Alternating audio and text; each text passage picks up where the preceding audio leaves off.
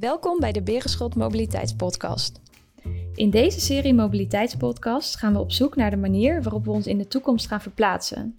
In deze podcast gaan we het hebben over mobiliteit en infrastructuur in de kabinetsformatie. De formateurs zijn gebombardeerd met een grote hoeveelheid toekomstplannen, investeringsvoorstellen en claims.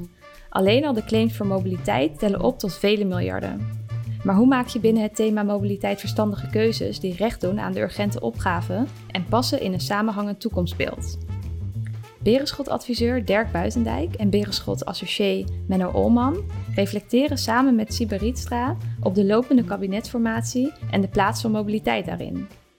Als je het eh, in de pikorde zet van wat staat het hoogst op de politieke agenda, dat het naar achter is uh, gezakt. Ja, je hoeft maar om je heen te kijken. Dan gaat toch om vraagstukken als klimaat, stikstof, die woningmarkt. Dat zijn nu de issues bij uitstek. Uh, al dan niet uh, op onderdelen herstel. Dat, dat, is natuurlijk ook niet onbelangrijk. We hebben bijvoorbeeld op het terrein van jeugd natuurlijk uh, zijn door het kabinet besluiten genomen. Het sociaal domein in de volle breedte staat hoog op de agenda. Siber Rietstra is momenteel interim secretaris-generaal van het ministerie van Volksgezondheid, Welzijn en Sport en directeur van ABD Topconsult. Voorheen was hij secretaris-generaal van Justitie en Veiligheid en daarvoor secretaris-generaal van het toenmalige ministerie van Infrastructuur en Milieu.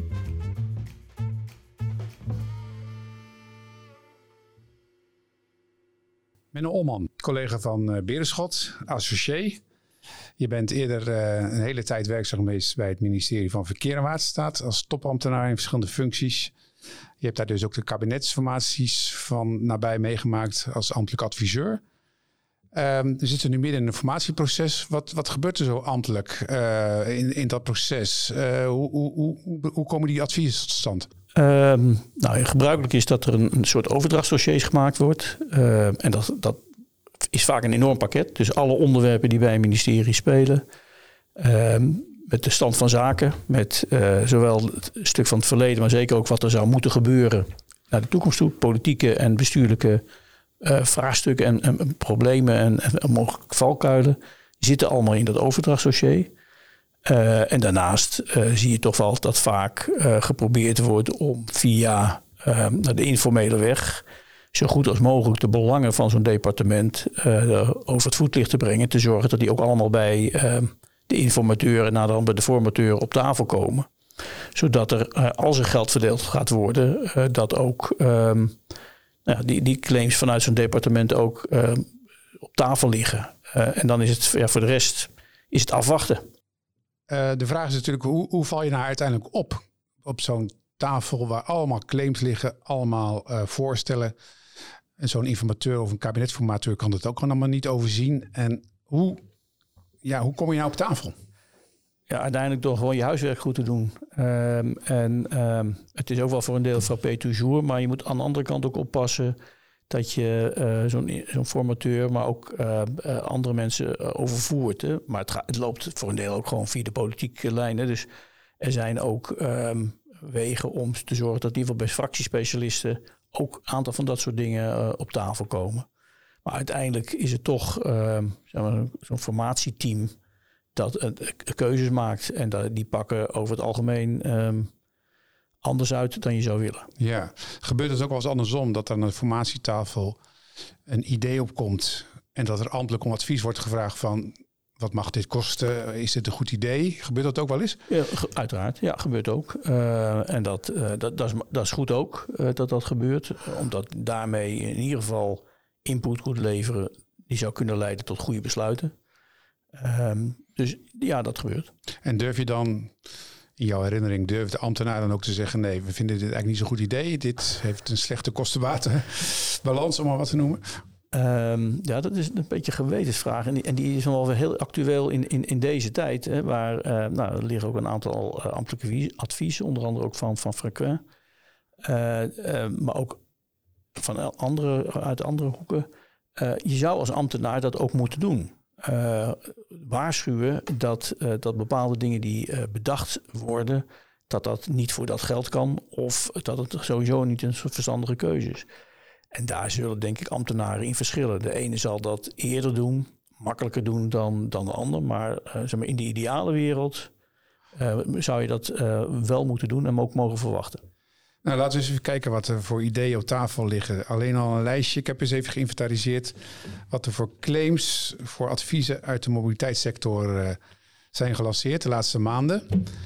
Uh, even, even een willekeur, vrij willekeurige greep. Allereerst de Mobiliteitsalliantie, die vraagt om 3 miljard per jaar. Dus voor een kabinetsperiode van vier jaar kom je dan op 12 miljard. Uh, de drie stadsvervoerbedrijven, HTM, GVB, RET vragen voor het stadsregionaal vervoer 10 miljard de komende vier jaar. Het Noorden heeft een pakket inclusief de lelylijn voor 9,5 miljard. Utrecht was vorige week nog het nieuws voor 4 miljard. Um, ik zag ook nog een advies van ProRail over verbetering van het spoor. Uh, de Verkeersveiligheidsalliantie niet te vergeten. Die uh, komt uit op ongeveer anderhalf miljard per jaar. Nou, als je dat soort bedragen opsom, optelt, dan kom je op uh, tientallen miljarden. En volgens mij hoef je geen snelle rekenaar te zijn om door te hebben dat dat niet allemaal in het kabinets, het regeerakkoord wordt opgenomen. Nee. Um, Lag dat nou aan mij? Ik vond het heel veel dit jaar, deze keer. Of is het altijd wel het geval? Nou, ik denk dat iedere kabinetsformatie uh, weet je dat er uh, vanuit alle hoeken, vanuit de samenleving, uh, of het nou de zorg is, het onderwijs, mobiliteit, komen dat soort claims. Dat is ook een manier om ook op, tafel te komen. het is nu al heel veel. en dat heeft ook veel te, maken met het feit dat er een groeifonds is van 20 miljard voor dit soort projecten. Niet alleen dit soort projecten, want innovatie valt er ook onder en dergelijke. En de ervaring leert wel dat naarmate er meer geld beschikbaar komt, uh, de rem op het neerleggen van claims ook minder wordt. Eh, en dat, dat Krijg je dan een soort overclaiming? Mag je dat zo zeggen? Nou ja, of het een overclaiming. Kijk, als je weet dat het 20 miljard is, ga je niet uh, 100 miljoen vragen, maar ga je dus veel meer vragen. En dat, maar dat, daar zit een cumulatie in bij al die partijen die, die, die dat vragen in dat lijstje wat je opnoemde, daar zit ook wel dubbels in. Hè? Dus zeker, uh, in relatie met uh, de, de, de, de, claims voor, voor de stedelijke mobiliteit, die hebben natuurlijk ook te maken met woningbouw en dergelijke. Dus de, je kunt het niet allemaal bij elkaar optellen, maar um, nou, dat zo'n groeifonds is 20 miljard. en dat, dat, dat is al meer dan op als je alleen naar deze claims kijkt. En de, de begroting van, van, van het ministerie, het MEERT, is uh, nou, zeg maar zo'n 6, 7 miljard per jaar. En dat is in belangrijke mate al uh, belegd met dingen op het gebied van beheer en onderhoud bijvoorbeeld. Dat heeft prioriteit nummer één. En daar zal waarschijnlijk nog wel meer geld naartoe moeten de komende periode. Als je kijkt naar de onderhoudstoestand van, uh, van het spoor. Naar alle claims die er liggen uh, op het gebied van onderhoud van de wegen. de bruggen, de sluizen hebben we ook nog. De, vaar, de vaarwegen. Dus ik denk dat er uiteindelijk nog meer geld naar beheer en onderhoud gaat dan we over het algemeen gewend zijn. En um, nou, er blijft dus weinig over voor nieuwbouw. Ja, en dan hebben we het alleen nog maar over mobiliteit. We hebben het niet over gezondheid, over het leger, nee. over de jeugdzorg. Die hebben ook allemaal hele grote bedragen nodig. En dan is de vraag, hoe scoort mobiliteit? Hoe doet mobiliteit het binnen dat geweld van allemaal verschillende claims?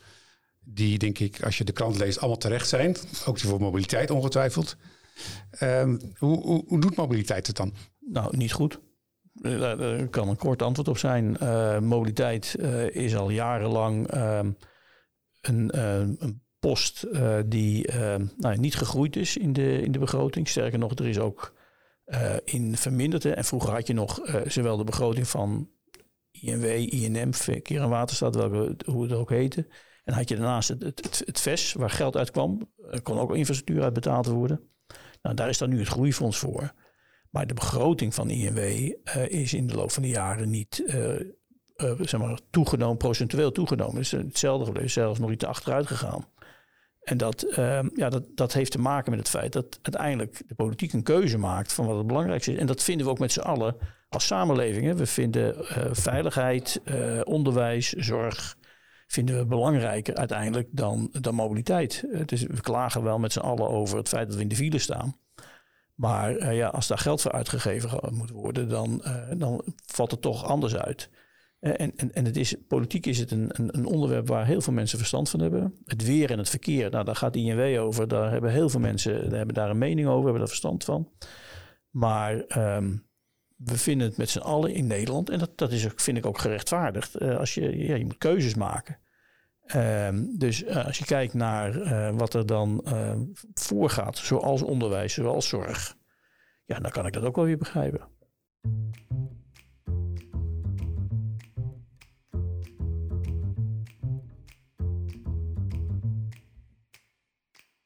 Siberitra, welkom. Je hebt als topambtenaar meerdere kabinetsformaties meegemaakt, vier geloof ik. Dus je hebt heel wat ervaring. Tegelijkertijd heb je door een lange loopbaan bij het ministerie van toen nog VNW en INM... heb je heel veel kennis van uh, de mobiliteitsdossiers. Dus eigenlijk ben je de ideale persoon om met ons een beetje te reflecteren op hoe, hoe verloopt nou zo'n kabinetsformatie... en hoe doet zo'n thema mobiliteit het nu. Um, Allereerst maar even over de kabinetsformatie zoals die nu voor staat. Loopt het nu anders dan de voorgaande keren? Is het een heel ander proces? Ja, elke kabinetsformatie loopt weer anders. Uh, op dit moment eigenlijk uh, is het natuurlijk, natuurlijk, een hele lange aanloop. Wij zijn steeds aan het aanlopen. En uh, nu zijn twee partijen bezig een regeerakkoord op hoofdlijnen aan het schrijven. Nou, dat doen we in grote rust, stilte en rust. Dus als topambtenaar sta je op grote afstand op dit moment. Je hebt het nu heel rustig. Je kunt heel rustig. rustig op vakantie. Ja, ik, ik merk dat er gewoon weinig concreet... Meestal kom je pas aan bod als er heel veel concrete vragen vanuit de informateur of de formateur komen. Als men in de details van de dossiers duikt en als men wil weten hoeveel kost dit, welk effect heeft dit, kan dit juridisch, uh, hoe pakt dit uit... Nou, dat type vragen hebben we tot nu toe niet gehad. En je ziet ook uh, de tussenrapportage van informateur. Dat dat gewoon toch erg nog op hoofdlijnen is. Ja. En dat doet men dan op basis van uh, partijprogramma's. Van gesprekken die men voert met maatschappelijke organisaties. Met planbureaus. Ja, je zou kunnen zeggen, alle adviezen zijn inmiddels binnen, liggen op tafel. Uh, nu eerste kabinetsformateurs aan het werk. En dan komen de detailvragen. En dan zitten we inmiddels waarschijnlijk in het najaar. En dan krijgen jullie het als ambtelijk adviseurs weer druk. Dan kan, nou, kan het druk eh, worden. Dat kan ineens heel snel. Uh, dat hangt heel erg af van of er regie-ingrepen worden gedaan. de vorige formatie duurde in eerste instantie toch ook heel erg lang. En op een bepaald moment werd besloten om werkgroepen in te richten onder leiding van of een Kamerlid of een expert of een minister. Ja, en dan gaat het in een heel hoog tempo. Moesten we op dat moment heel veel concrete vragen beantwoorden. En uh, ja, dat was ook een kwestie. Ik noem het dan, dan moet je gewoon klaarstaan, dan is het minutenwerk. Toen uh, begreep ik op donderdag dat die werkgroep ging starten. Op vrijdag wist ik wie de voorzitter was. En het weekend heb ik met uh, het team van de bestuursraad nog even een, een optelsom gemaakt. Welke onderwerpen vinden we dat in het regeerakkoord moeten komen? Niet vanuit de inhoud, dit en dit moet erin komen te staan, maar wat moet worden geagendeerd om ons de komende vier of drie jaar verder te helpen. Kun je dan zeggen, op zo'n moment heb je als ambtenaar best veel invloed? Want je nou, kunt dan dingen agenderen die misschien van tafel zijn gevallen of niet zijn opgemerkt. Op, op dat, uh, uh, eigenlijk met de agenderen begint. Als je dan nog be moet beginnen met agenderen, ben je eigenlijk 2,5 jaar te laat. Uh, en dat geldt voor departementen. ik denk dat het gemiddelde departement ik ben in maart 2020 gestopt bij Justitie en Veiligheid. Toen waren we al een half jaar bezig. Dus dan zijn we in 2019 al begonnen. Namelijk toch, uh, wat zijn de thema's uh, die onderbelicht zijn? Hebben we onze wetenschappelijke onderbouwing en over de maatregelen die denkbaar zijn van links tot rechts, in welk verkiezingsprogramma dan ook, hebben we daar onze informatiepositie op orde? Kunnen daar ook uh, agenderende stukken bij planbureaus uh, mogelijk een rol uh, spelen. Dus dan ga je in je omgeving, zowel maatschappelijk als in je kenniswereld, op pad. Als in je politieke voelhorens. Want dan worden ook de eerste stappen gezet met het opstellen van verkiezingsprogramma's. Dus dan ben je 2,5 jaar van tevoren daar al bezig over na te denken. Ja. Wat ik me als een buitenstaander afvraag, is het nou een voorspelbaar proces? Uh, als je een beetje de partijen kent en het verkiezingsprogramma en je weet wat er allemaal maatschappelijk leeft. Of komen er ook wel eens hele onverwachte dossiers of vraagstukken op tafel waar je dan als ambtenaar heel snel op moet reageren? Ja, er komen ook wel eens heel erg onverwachte dingen op. Dat hangt natuurlijk een beetje af van. Uh, uh, maar bijvoorbeeld, toen, als je kijkt in 2010, toen hadden we het over anders betalen van mobiliteit. Daar was in 2009 de stekker uitgetrokken. Dus daar was je heel erg goed op voorbereid. Je verwachtte dat het ja, en dan denk, dan denk, je van nou, dan moet ik in ieder geval zorgen dat, dat wat ik een jaar geleden wist, als het gaat om als het door was gegaan, zijn er nog nieuwe modaliteiten die eventueel al waren afgevallen, die nu alsnog weer op tafel kunnen komen. En dan is het ook wel een sport om eigenlijk zo goed mogelijk te coveren wat de alternatieven zijn die in verkiezingsprogramma's komen. Maar soms kan het ook zijn dat je een thema agendeert. Iets als uh, trend intelligentie rondom auto's en wat dat betekent voor privacy en aansprakelijkheid. Dat komt niet a priori in een verkiezingsprogramma bottom-up aan de orde. Maar was natuurlijk in, in met de huidige uh, automobielen is dat wel een terecht vraagstuk. Nou, dan agendeer je het eigenlijk zowel aan de kant van justitie en veiligheid. Toevallig wist ik het aan die kant. En dan combineer ik mijn oude verkeer en waterstaat INW-ervaring met die van justitie en veiligheid. Hier moeten we op voorbereid zijn. En als dat niet zo is, moet dat toch een thema zijn wat ons de komende drie, vier jaar moet bezighouden. Ja. En komt het ook wel eens voor dat er politiek een idee wordt gelanceerd waarvan je zegt, ja, ambtelijk zijn we daar nog niet heel enthousiast over? Nou, dat komt wel eens voor. Nou, eh, het kan in verschillende fases. Uh, dit speelde in, uh, ik denk 2009, 2010, stond in een concept-regeerakkoord de privatisering van de NS. En toen heb ik gewoon aan de toenmalige minister gevraagd, die toch zijn partij in de onderhandelingen een rol speelde. Is het nou het doel om de NS te privatiseren of is het doel om hier geld mee op te halen? Als het laatste is, dan heb ik een beter alternatief die in ieder geval niet leidt tot drie, vier jaar heel veel politiek gedoe voor de nieuwe minister. Of jij dat nou bent of jij niet bent.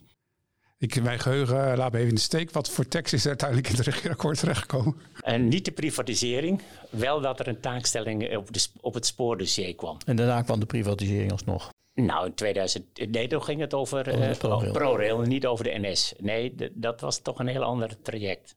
We gaan het zo, wat, uh, zo meteen wat dieper in op het thema mobiliteit. Maar allereerst, uh, wat mij opvalt, simpelweg als krantenlezer, is dat er ontzettend veel claims zijn in zo'n formatietijd. En alleen op het gebied van mobiliteit komen er tientallen miljarden claims op je af.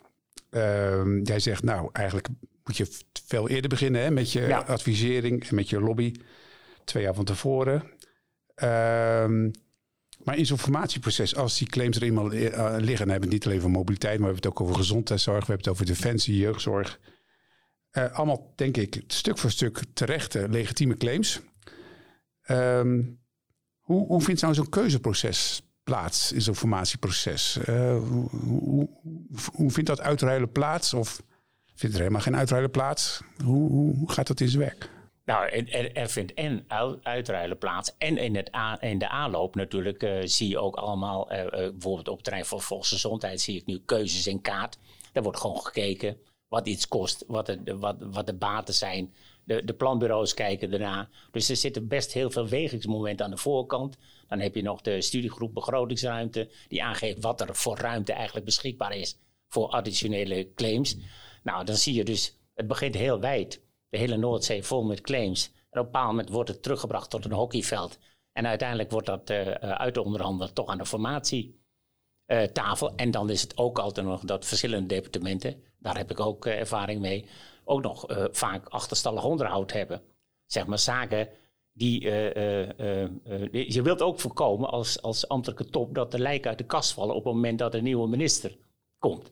Dus ik heb denk ik drie, vier keer met de hele departement in kaart gebracht. Ook in alle openheid naar de zittende bewindspersonen. Dit zijn nog problemen die nog niet van geld zijn voorzien. Dit zijn uh, zaken die mogelijkerwijs uh, jezelf zou willen. En dit zijn zaken die eventueel uit verkiezingsprogramma's komen. En dat delen we ook met het ministerie van Financiën. Zodat als je die korte klap, dat er in, soms in twee, drie dagen keuzes moeten worden gemaakt, alle informatie wel beschikbaar is. En als het niet wordt gekozen, dat zag ik ook in 2017, naar de nieuwe minister zeggen: Ja, dit was bij jouw politieke leider wel bekend, maar men heeft andere keuzes gemaakt. En we hebben nu nog dit klein lijkje wat uit de kast komt, waar je niet omheen kan. Ja, nog wel het in het voorgesprek over beheeronderhoud. Bepaald geen sexy onderwerp, dreigt vaak vergeten te worden. We hadden het over het voorbeeld van de, wat was het ook weer, de Haringvlietbrug. Die uh, buiten dienst moet ten dele. Is dat nou zo'n lijkje in de kast? Uh, heb je, heb je, nou, wat is jouw ervaring daarmee? Eigenlijk is het geen lijk eh, in de kast. Eh, dat lijk is al wel bekend. Uh, alleen het is een onderwerp, want het gaat over wegen, het gaat over spoorwegen, het gaat over vaarwegen, sluizen. Ja, daar zal toch, ehm, datgene wat je hebt moet je in stand houden. Dus dat betekent dat daar de eerste prioriteit aan gegeven zou moeten worden. En meestal ook gebeurt omdat, uh, en, en, dan blijft er dus weinig ruimte over voor nieuw, uh, nieuwe projecten. Dat moet je dan ergens anders vandaan proberen te halen. Dus ja, is het een lijk in de kast? Nou ja, het, het, het, het lijk is eigenlijk wel redelijk aan het drijven. Dus iedereen weet al dat het er is. Alleen ja, mensen worden er niet blij van. Maar dat is overigens wel interessant. Bijvoorbeeld Roef de Boer, die heb ik meegemaakt anderhalf jaar als minister, of een dikke jaar. Die had daar gevoel voor en die heeft toen heel actief in kaart uh, gebracht welke beheer- en onderhoudsopgave er nog lag. En uh, ook een beetje met een twinkel in zijn ogen van uh, dit ga ik waarschijnlijk niet zelf oplossen omdat de LPF niet terugkomt in het kabinet. Maar dan heb ik in ieder geval heel actief naar buiten gebracht waar bij beheer en onderhoud nog de problemen zitten. En daar hebben we na 2010 een tijd lang wel heel veel profijt van gehad. Ja, dan heb je een bewindspersoon die daar oog voor heeft. Maar stel dat in de politiek vooral geïnvesteerd wordt in nieuwe projecten.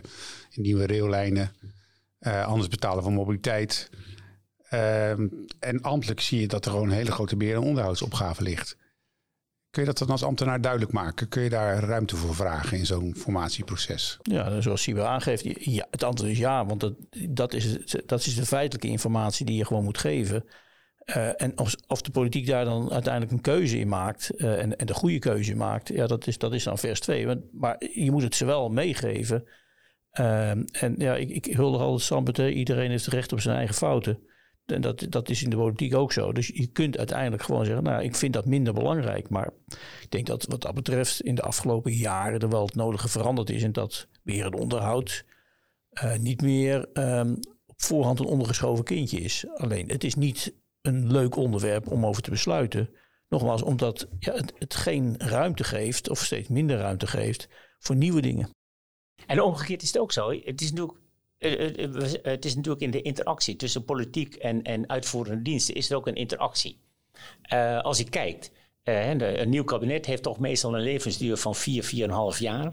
Er komt extra geld beschikbaar voor die termijn.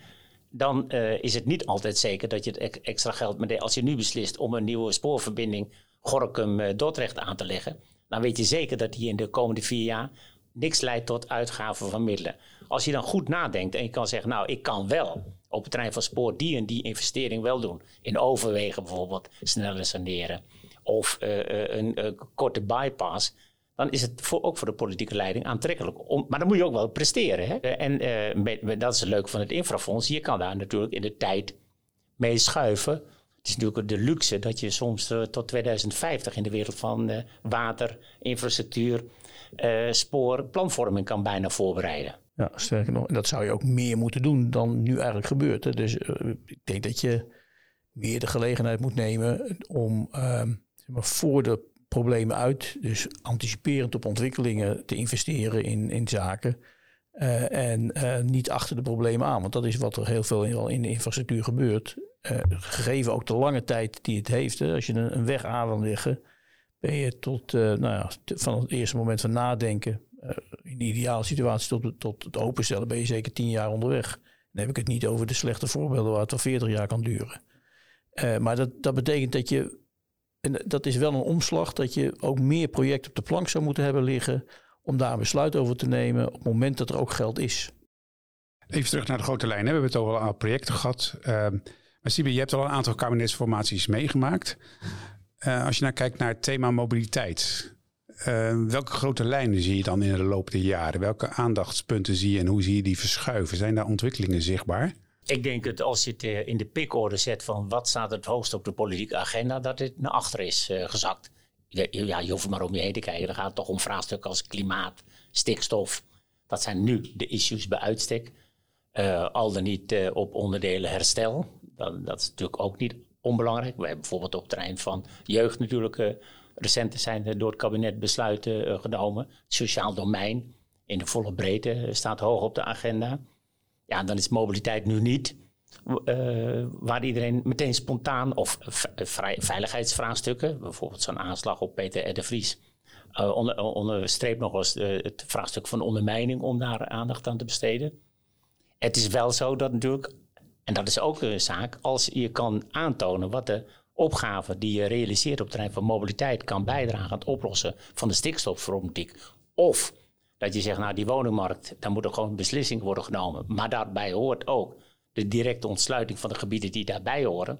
Dan kan je natuurlijk meerdere belangen met elkaar koppelen. Ja. Want alleen bouwen ja. Uh, is meestal niet de oplossing als die er niet kan komen en niet weg kan ja, Dus mobiliteit als zelfstandig thema, die aandacht neemt af. Maar het is vaak gekoppeld aan andere grote opgaven, grote dossiers.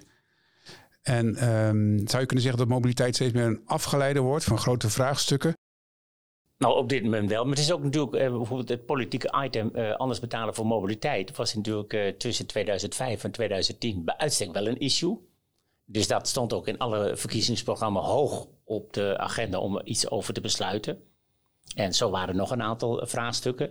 Dus daarna is natuurlijk ook, als je kijkt bijvoorbeeld naar de stations in Nederland. Nou, Men Olmen en ik hebben dat allemaal gezien. het verschil tussen het jaar 2000 en nu is natuurlijk heel veel gebeurd.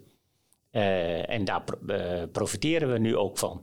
En tegelijkertijd uh, zie je dat in, in, netwerken rond, in en rondom ja, de stedelijke netwerken nog heel veel problemen opgelost moeten worden. Ja, nou laten we ons een heel gevoelig dossier nemen. De substitutie, zoals het technisch heet, van vliegverkeer naar internationale spoorvervoer. Iedereen is het erover eens dat korte afstandsvluchten moeten verminderd worden. Of eigenlijk verboden. Um, dat betekent dat, uh, dat, uh, dat, uh, dat we meer met de trein moeten doen. Er moet ook geïnvesteerd worden. Maar er is ook gedragsbeïnvloeding nodig. Denk je dat de politiek zover is dat we daar afspraken over durven te maken? Nou, dat zou ik het niet. ik denk dat het kan via de kant van de beprijzing dan veel ingewikkelder is dan aan de kant van hoeveel slots stellen wij beschikbaar voor regionaal luchtverkeer. Regionaal bedoel ik dan binnen Europa of binnen een straal van 500, 600 uh, kilometer. Maar daar staat ook weer tegenover. Natuurlijk dat er dan ook wel een heel goed alternatief uh, moet zijn. Nou, dat zie je op onderdelen toch nog echt niet beschikbaar zijn. Naar het zuiden is dat wel. Maar het, naar het oosten is dat natuurlijk nog helemaal niet het. Ja, dus je mogelijkheden om gedrag te beïnvloeden worden weer beperkt door het gebrek aan alternatieven. Dat is vaak dan de realiteit. Ja, en dat alternatief moet, en eh, als je daarin zou willen investeren, komt het alternatief vaak veel later de, ter beschikking dan dat je de maatregelen op het terrein van luchtverkeer zou nemen. als je zegt van nou ik sluit uh, Amsterdam, Parijs, doen we niet meer. Spreken af tussen Frankrijk en Nederland. Kan. Ja, daar is de trein, uh, heeft dan, die ligt Dan moet je wel zorgen dat die ook echt concurrerend wordt als het gaat om het gemak. Je, je, je kunt nu via internet kun je, kun je alles boeken. Uh, nou, de ticketing voor de trein is toch nog wel een punt waar, waar, waar extra aandacht voor moet komen. Dus al dat soort zaken moet je wel geregeld hebben. En daar zit wel de, de, zeg maar de, de, de zwakte. En, eh, wat terecht gezegd is, de, de verbinding naar het oosten. Nou, we hebben ergens in uh, rond 2000 uh, is het besloten om geen Hazel-Oost te maken. nou, als je dat nu wel wil gaan doen, dan we liggen nu 2021. Nou, als je flink je best doet, is het 2035. 2030, 2035. Uh, en dan moet je, ben je in belangrijke mate afhankelijk van wat er in Duitsland gebeurt. Dus wat een kleine stukje in Nederland, dat, dat, dat is, maakt niet het echte verschil. Dus dat maakt het wel heel erg lastig om die substitutie voor elkaar te krijgen. Maar misschien is dat wel een impuls om in ieder geval voor te zorgen dat, um, dat er dus op een andere manier gekeken wordt naar het realiseren van dat soort alternatieven. Je ziet toch op de binnenlandse markt eh, tussen spoor en de auto, nou, daar zijn er toch best redelijke alternatieven. Ja, dus daar kun je wat meer beïnvloeden, zou je ja, zeggen. De, ja, de beïnvloeding binnenlands is toch uh, vele malen beter. En dat geldt niet alleen voor personenvervoer, maar ook uh, bijvoorbeeld ik, natuurlijk in deze COVID-tijd is het natuurlijk wel interessant. En heb ik uh, een jaar thuis gewerkt en ik zit beneden achter het raam. Niet in de betekenis van met rode lampjes, maar ik zie de voordeur. En dan zie je door mijn straat toch heel veel uh, autootjes achter elkaar van verschillende leveranciers uh, bij iedereen in de straat de hele dag alles komen brengen. Nou, dat, daar is nog wel wat. Daar is nog wat in te coördineren. Daar is nog wat in, in, in, te coördineren. En uh, dat is ook wel leuk van het thuiswerk. Dat, dat, dan zie je het gewoon op straat ongeveer voor je gebeuren. En dan vraagt iedereen zelf, kan dit niet slimmer? Ja, over thuiswerk gesproken. Denken, we, denken jullie dat het momentum nu wordt aangepakt om te zeggen... we gaan het toch wat meer structureel in reguleren of afspraken maken met werkgevers. Uh, zodat we niet allemaal meer uh, vijf dagen in de week naar kantoor gaan of uh, naar de centrale locaties waar we allemaal tegelijk moeten zijn? Nou, ik denk dat je daar heel helder over moet zijn welke bedoeling je daarmee hebt. Ik merk het nu. Wij hebben al als SG's vorige week gesproken over wat doen we dit najaar over het hybride werken. Nou, dan is het heel erg goed uit te leggen uh, dat op dit moment uh, gewoon het niet allemaal kan op de klassieke manier. En dat is ook naar medewerkers uit te leggen, juist in deze fase. En tegelijkertijd is het ook natuurlijk, iedereen wil nu naar kantoor. Iedereen wil zijn collega's een keer maar dat is na drie maanden weer uh, wat, minder. Dus dan, maar ook daar moet je prudent mee omgaan. Doen we het omdat uh, het uh, goed is voor het woon-werkverkeer? Doe het omdat het goed is voor je werk. Doe het omdat het goed is voor je collegialiteit. Maar als het bedoeling is, dan kunnen we meer kantoorgebouwen in Den Haag bijvoorbeeld afstoten. Ja, dan voelt iedere ambtenaar zich toch een beetje bedonderd. Dus integriteit van doelstellingen, transparantie van doelstellingen is dan altijd heel erg belangrijk. En dat ja. geldt denk ik overal in de samenleving. Ja, maar je zou kunnen zeggen, we kunnen investeringen voorkomen. Als we met z'n allen wat, min, als met allen wat minder reizen, hoeven we misschien ook wat minder nieuwe infrastructuurprojecten te plannen. Uh, of is dat te, te, te idealistisch nee, ik, ik, denk dat je bijvoorbeeld, ik doe naast mijn interim SG-schap nu en ik uitvoeringsregisseur voor het pakket wat is afgesproken met Zeeland over de volle breedte van spoorverbinding tot de gevangenis, tot de rechtbank, tot zorg. Nou, het is hartstikke leuk om te merken dat we een jaar lang heel goed hebben kunnen samenwerken. Omdat je niemand vanuit Zeeland naar Den Haag moest of omgekeerd om een meeting te doen. En nu zie ik al die mensen iedere twee weken. Ik denk dat dat allemaal gewoon hetzelfde blijft. Dan is iedereen blij van. Goed voor je werk, goed voor je tijd. Goed voor je uh, uh, verbinding met, met, met de Vlissingen, Zeeland en het Rijk. Een vraagstuk wat hier aan gerelateerd is, is um, als me, wat me opvalt bij al die plannen is dat ze uitgaan van terugkeer van de groei. Uh, dat zijn ook de prognoses, hè, zoals die twee weken geleden zijn gepresenteerd door het ministerie. Um, het lijkt erop als, alsof we alle groei weer willen faciliteren van de mobiliteitsvormen. Tegelijkertijd uh, hebben we een klimaatakkoord met hele dringende doelstellingen. De mobiliteit heeft problemen, moeite om zijn doelstellingen te halen voor 2030 al. Um, het lijkt erop als, alsof we toch die stap moeten zetten, ook politiek, van sommige vormen van mobiliteit moeten misschien toch ietsje minder. En dat kunnen niet alleen maar door verleiding, maar dan moeten we het toch ook gaan reguleren. Of ga ik nu te snel? Is, uh, hoe kijken jullie tegen dit vraagstuk aan, uh, Menno? Ja, ik, ik, uiteindelijk, um, kijk, reguleren is, moet je denk ik aan het einde van, van de trits van, van, van zaken neerzetten. Kijk, heel veel dingen kun je Um, ook al regelen door ervoor te zorgen dat partijen ook daadwerkelijk met elkaar keuzes kunnen maken, dus samenwerken. Uh, wat dat betreft, uh, het over dat hybride werk, je ziet nu dat werkgevers en werknemers, VNO-NCW en dergelijke vakbond, met elkaar aan het nadenken zijn van hoe kunnen we dat nou het beste gaan regelen.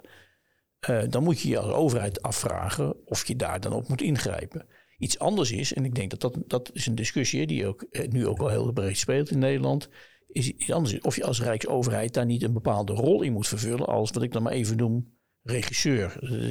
De ene vindt het een, een, een beladen woord en de andere niet. Je hoe je het ook wil noemen. Maar er moet in ieder geval iets zijn als een, een overheid die kader stelt, die partijen voor een deel bij elkaar brengt waar dat nodig is. En daar moet je denk ik vooral naar, naar kijken. Maar je zult op heel veel van dit soort vraagstukken uh, zul je het, het, samen moeten doen. En dat, het voorbeeld van de, van de pakketjes bezorgen. Um, ja, dat kun je als overheid proberen op te leggen. Nou, dat, dat is in de afgelopen decennia een aantal keren gebeurd. Dat gaat gewoon niet werken. Dat zijn gewoon marktpartijen die ook geld willen verdienen. Maar je kunt wel ervoor zorgen dat er faciliteiten worden gecreëerd en dat er, eh, dat er incentives zijn om uh, ervoor te zorgen dat het, dat beter gaat in de vorm van een stadsdistributie of wat je dan ook bedenkt. En marktpartijen zien dat zelf ook wel. Uh, dus ik denk dat je een, um, ja, een regisserende overheid nodig hebt die daar in ieder geval uh, een, een, rol in vervult. Ja. Maar echt opleggen zo van u moet. Um, ik geloof niet dat dat gaat, gaat werken. En je kunt naar het prijsmechanisme kijken.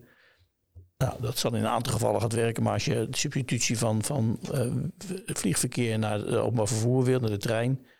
Ja, gaan 7, 8 euro uh, kerosine tax gaat niet helpen. Dat gaat ook niet het verschil.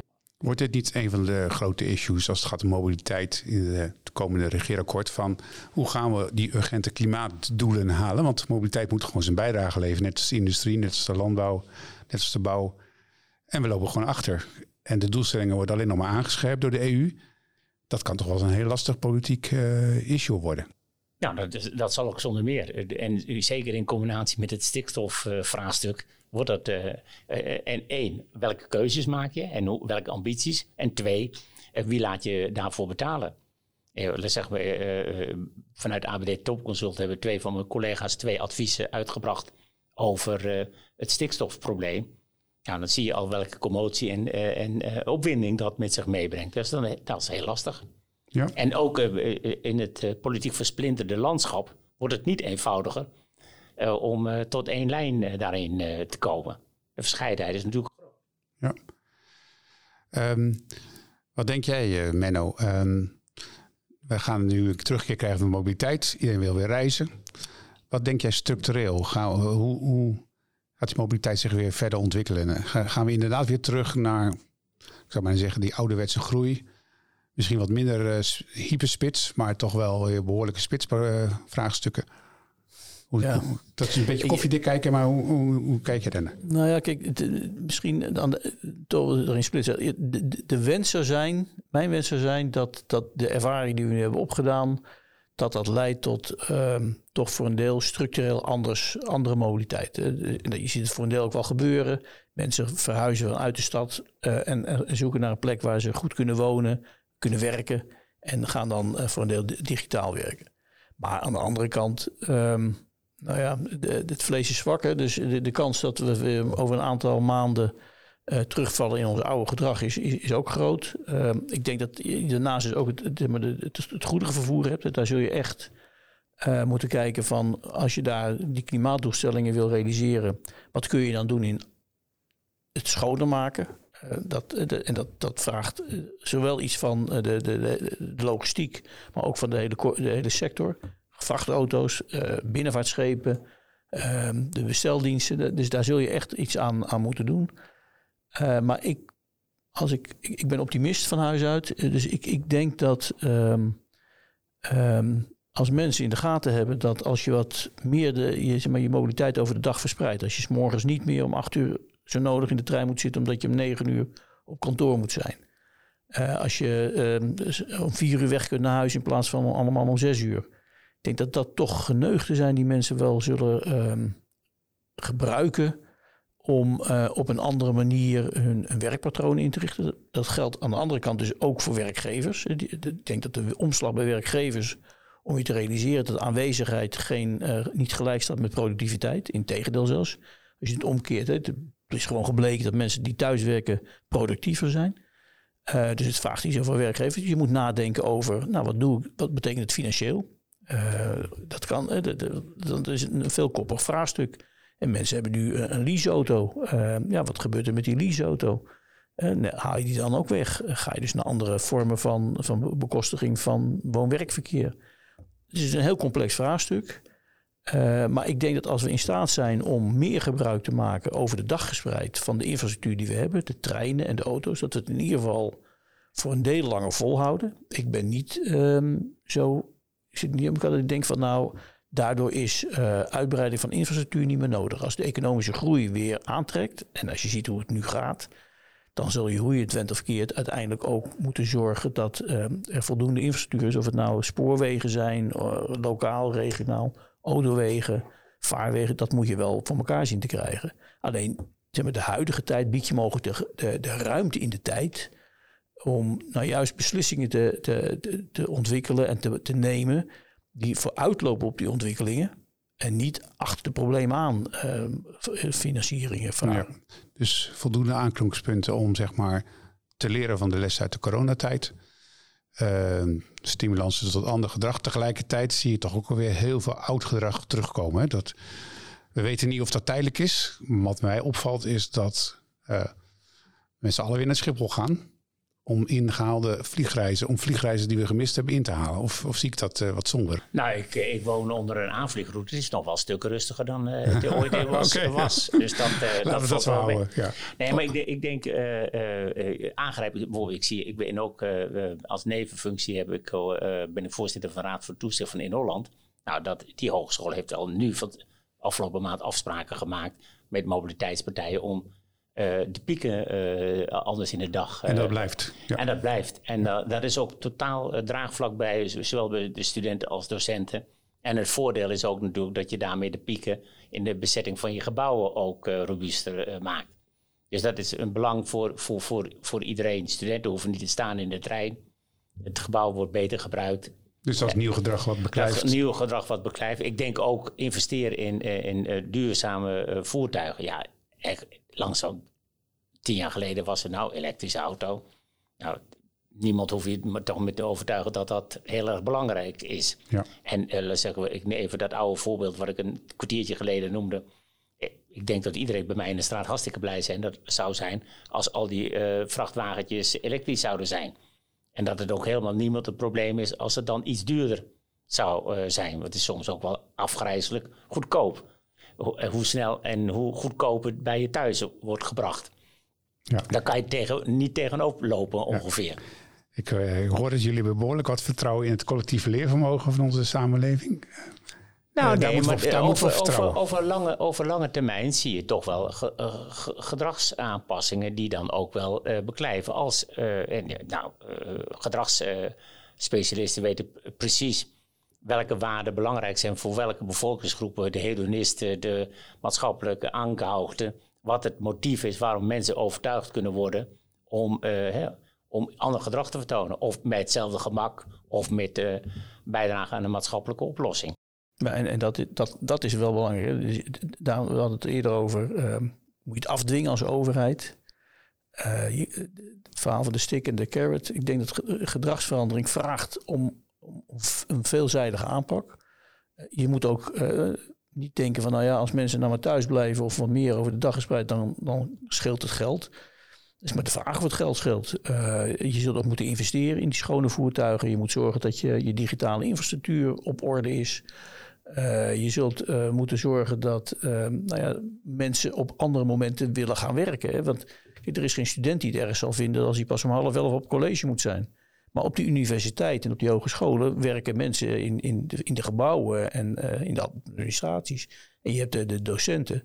Ja, die, die moeten daar zich er ook op aanpassen. Dus het vraagt van heel veel mensen aanpassing. Uh, en daar, daar zul je als overheid, uh, moet je daar wel, of overheden, want het is niet één overheid, zul je daar zeg maar, in moeten stimuleren.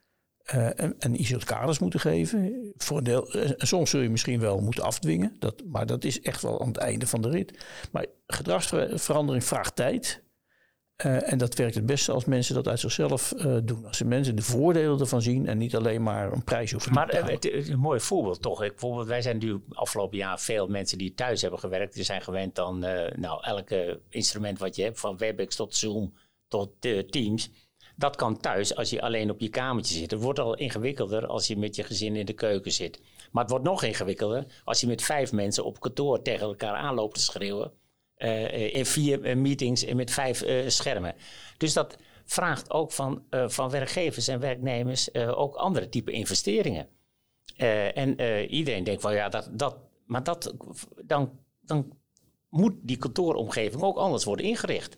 En het is ook nog best sociaal intelligent of je mensen wil combineren die en thuis werken en op kantoor zitten. En dan toch ook nog dat mensen allemaal het gevoel hebben dat je meedoet. Dus het vraagt heel veel van mensen. Ja. Nog één keer terug naar het regeerakkoord, of het komende regeerakkoord. We hebben een soort tour horizon gemaakt hè, over alle mogelijke thema's die mogelijk terugkomen. We hebben ook gezien wat de beperkingen zijn. Ehm, we hebben ook geconstateerd dat er waarschijnlijk ook weer sprake zal zijn van in ieder geval gematigde groei. Dat er ook investeringen nodig blijven. Dat misschien gedragsverandering wel weer wat nieuwe impulsen krijgt. Um, zijn er nog andere thema's die we niet besproken hebben, die zeker aandacht moeten krijgen in het regeerakkoord? Dan heb ik het even over mobiliteit alleen. Ja, even, dat, ik dacht meteen dat jij daarover zou beginnen. Dat stelt me wel teleur dat je dat. Nou, wat is dat dan? Nou, het thema verkeers, verkeersveiligheid uh, is natuurlijk iets Waar, waarvan, terecht, je, terecht, ja, waarvan je kan afvragen wat er precies in het regeerakkoord moet komen. Maar tegelijkertijd zie je, uh, het is toch wel heel erg. Nederland was natuurlijk een voorhoede speler op het terrein van intelligent omgaan met uh, verkeersveiligheid. De combinatie van slimme infrastructuur, gedragsverandering en handhaving. Nou, uh, dat is toch wel ten onrechte lager op de maatschappelijke agenda gekomen. En juist die combinatie ook. Ik heb begrepen, nu in het weekend las ik dat ik, ik ben 66 geworden natuurlijk bij de categorie. Die wordt gestimuleerd om met een e-bike te gaan. Doe ik nog niet. dat, dat dat niet de oorzaak is van het groot aantal verkeersslachtoffers.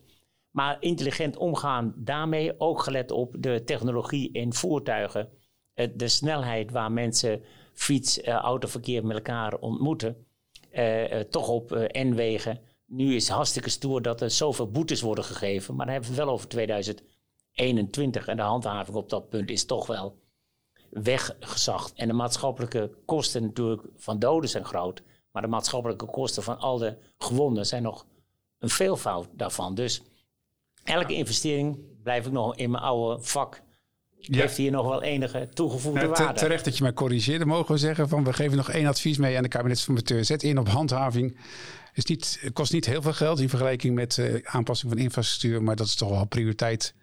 Misschien wel nummer één uh, als het gaat om verkeersveiligheid. Nee, het, is meer dan handhaving. Ik ben het heel erg mee eens dat uh, verkeersveiligheid je, is, is, echt een ondergeschoven kindje al, al heel lang. ook in de tijd dat wij bij het ministerie werkten. Ehm, als je kijkt naar de kosten van verkeersonveiligheid, ik geloof als je alles bij elkaar rekent, 12 tot 14 miljard op jaarbasis. Als je zeg maar langdurige zorg en, en, en, invalide en dergelijke meeneemt. Ehm, en het gaat over veel meer dan handhaving. Het gaat ook over investering in, in veilige fietsinfrastructuur. Uh, dus al dat soort zaken spelen uh, mee. En nou ja, ik heb niet precies in mijn hoofd hoeveel jaarlijks er beschikbaar is op dit moment de begroting van, van INW voor verkeersveiligheid.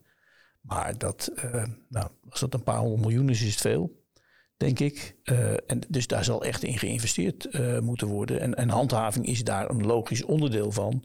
Maar het gaat over, echt over meer. Uh, dus dat, ehm, ja, dat zou aanreiken. Die, die, die Verkeersveiligheidsalliantie.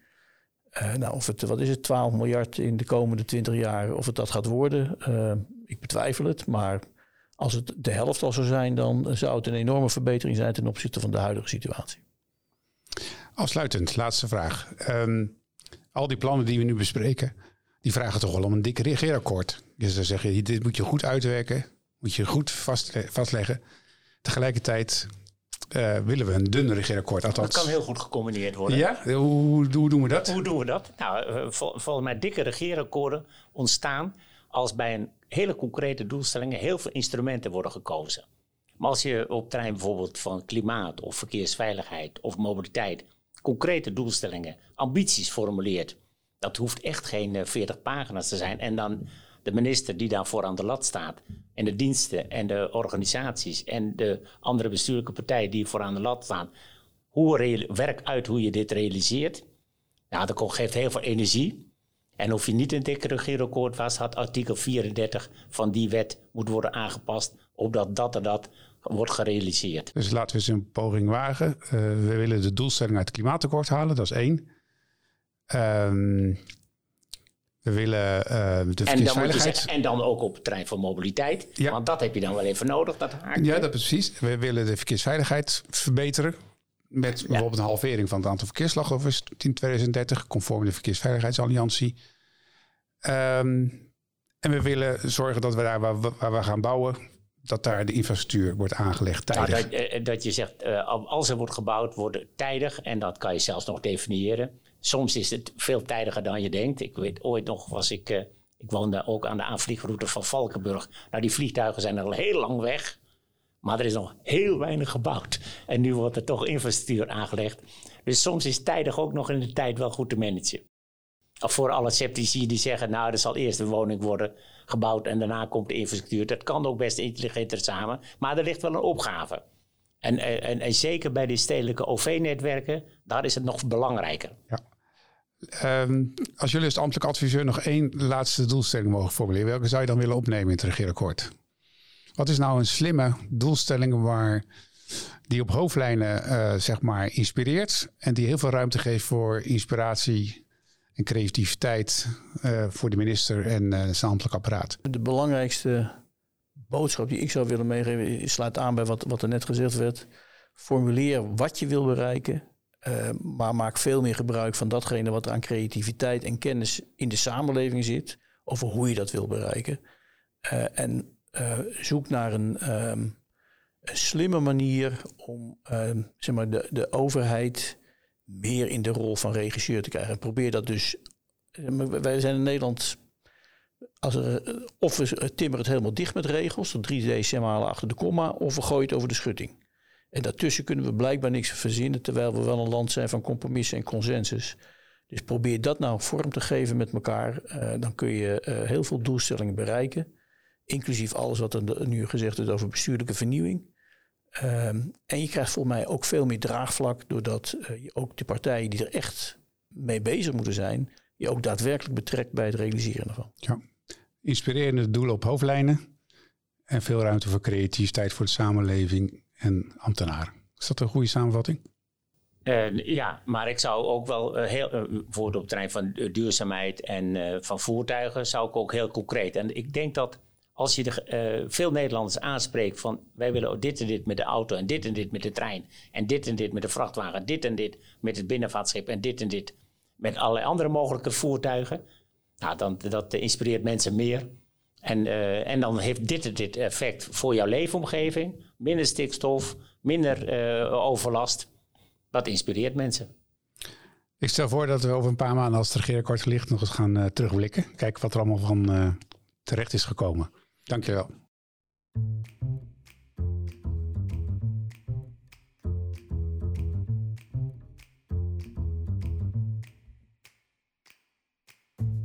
In de volgende podcast gaan we het hebben over de verduurzaming van mobiliteit. Nederland staat voor een ingrijpende transitie van het mobiliteitssysteem. In het komende decennium moet mobiliteit niet alleen 100% duurzaam, maar ook stiller, veiliger en slimmer worden. De mobiliteitstransitie brengt de werelden van mobiliteit, ruimte en energie samen en vraagt om continue visieontwikkeling, een integrale aanpak en samenwerking tussen een groot aantal spelers. Maar hoe kunnen we dit aanpakken? Wie zijn de actoren? En welke nationale en Europese wetgeving speelt een rol? Kortom, genoeg te bespreken. Deze podcast werd gemaakt door Berenschot-adviseurs Dirk Buitendijk, Menno Olman, Dineke Mooiman en mijzelf, Vera Mulder. Wij bedanken onze gast Siebe Rietstra.